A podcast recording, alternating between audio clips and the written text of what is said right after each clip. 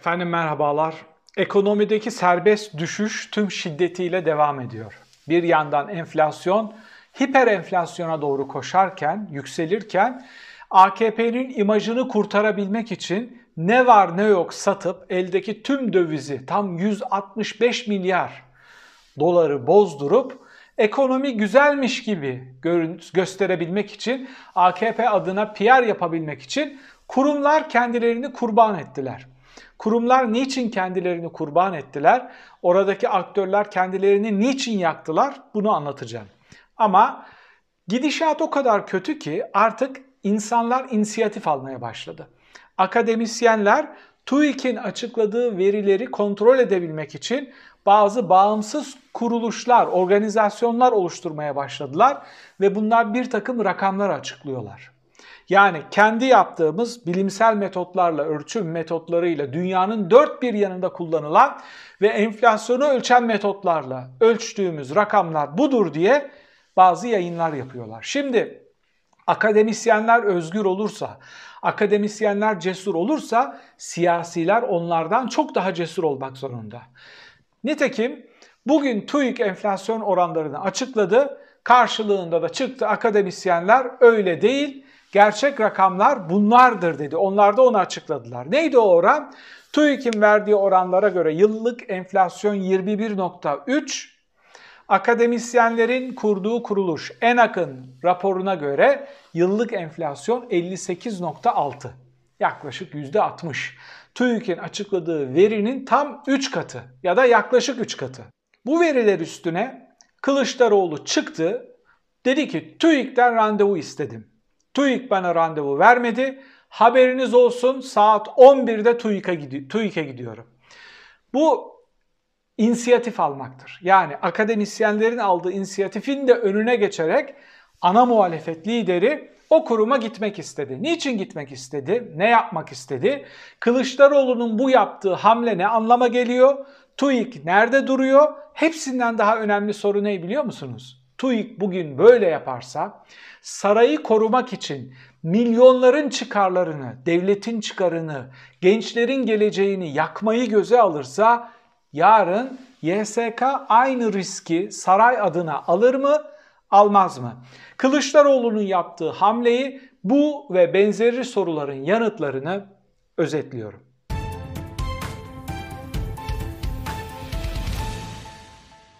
TÜİK yıllık enflasyonu %21 açıkladıktan sonra akademisyenlerin ortaya, ortaya koyduğu rakam %58'in üstünde çıkınca Kılıçdaroğlu da TÜİK'in kapısını çalma kararı aldı. TÜİK randevu vermedi. O da siz randevu vermezseniz bile ben ana muhalefet lideri olarak siz sarayın kurumu değilsiniz. Bu halkın, milletin kurumusunuz. Ben de milletin temsilcisiyim ve denetleme, kontrol yapmak gibi bir görevim var diyerek TÜİK'in kapısına gitti. Düşünebiliyor musunuz? TÜİK kapısı kapatıldı. Ana muhalefet lideri TÜİK kapısından içeri alınmadı. Ekonomi kurmaylarıyla, maliyeci kurmaylarıyla birlikte, iktisatçı kurmaylarıyla birlikte Kılıçdaroğlu oraya gitti. Şimdi çok basit bir soru. TÜİK neden korktu? TÜİK kapıları açıp şunu yapamaz mıydı? 10 dakikalık bir briefing verip onların sorularını yanıtlayamaz mıydı? Yanıtlayamazdı. Neden? Çünkü öyle böyle bir yalan değil. Açıkladıkları şey aradaki farka bakın. %58.6'lık enflasyon nerede? Akademisyenlerin açıkladığı %21.3'lük enflasyon nerede? Aradaki fark o kadar büyük ki arada 3, 5, 10 gibi bir fark olsa bunu izah edebilirdi TÜİK. Gelin bakalım derdi. Biz şuna baktık, buna baktık. Sizin şundan haberiniz yok. Hesaplamayı bu yöntemle yapıyoruz. Öyle değil. Öyle değil. Mızrak çuvala sığmıyor. TÜİK o kadar büyük bir hırsızlık yapıyor ki, o kadar büyük bir hırsızlık yapıyor ki çaldıkları mızrak, enflasyon mızrağı çuvala sığmıyor. Bakın buradan ben size daha önce bir şey söylemiştim. Bir şeyin altını çizmiştim. Yunanistan'daki TÜİK de muadili olan kurum da böyle yapmıştı. O büyük çöküşten, o büyük ekonomik inflaktan önce onlar da rakamları Avrupa Birliği'nden saklamışlardı. Onlar da verileri kendi yatırımcılarından ve kendi halkından saklamıştı. Ne oldu Yunanistan'daki TÜİK yetkililerine? Hepsi tutuklandı. Hepsi tutuklandı. Bugün sadece TÜİK değil, yargıdan çalan, adaletten çalan, demokrasiden çalan, medyadan çalan tüm aktörler yarın iktidar değiştiğinde yargılanacaklarını hatta yüzde yüz tutuklanacaklarını bildikleri için canlarını dişlerine takmış bir şekilde yalanlarına devam ediyorlar ve saraya hizmet ediyorlar. Neden? Geri dönüşleri yok. Ne diyor ne diyorum ben size? Hangi örnekle bu adamları anlatıyorum? Su üstünde koşan adam bunlar. Büyük bir süratle su üstünde koşmaya başladılar.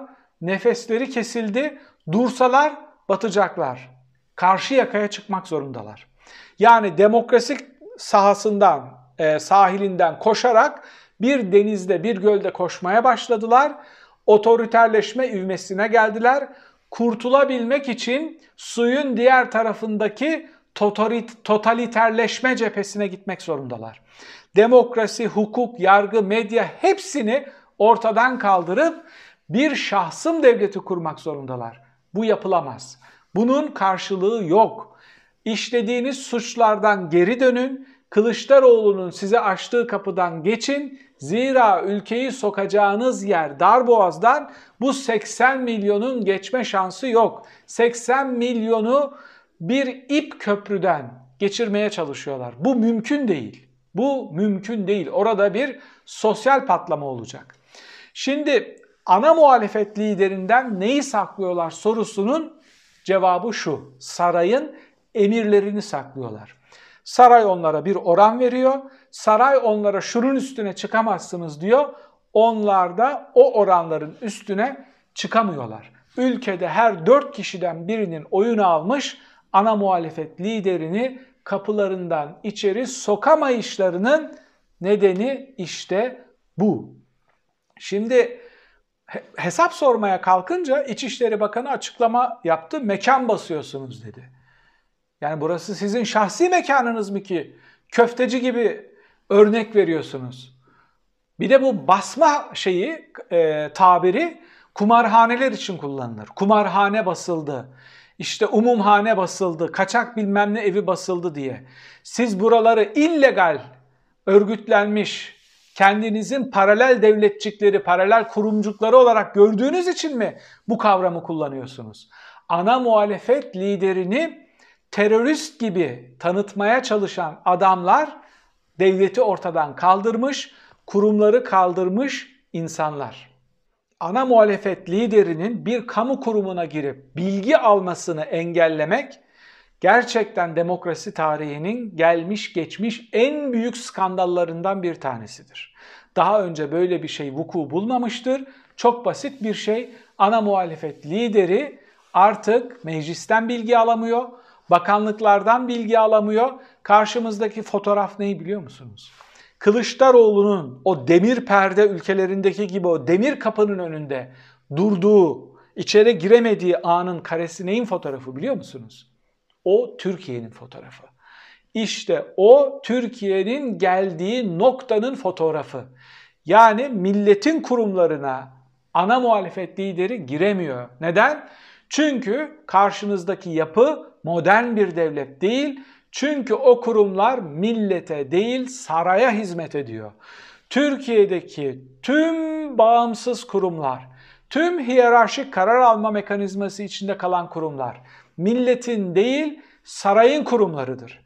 Sarayın kurumu oldukları için ana muhalefet lideri oraya girememektedir. Nitekim Temel Karamollaoğlu'nun Twitter'dan verdiği tepki de çok hoşuma gitti. Bu yüzdeleri saklıyorsunuz, bu yüzdelerle oynuyorsunuz.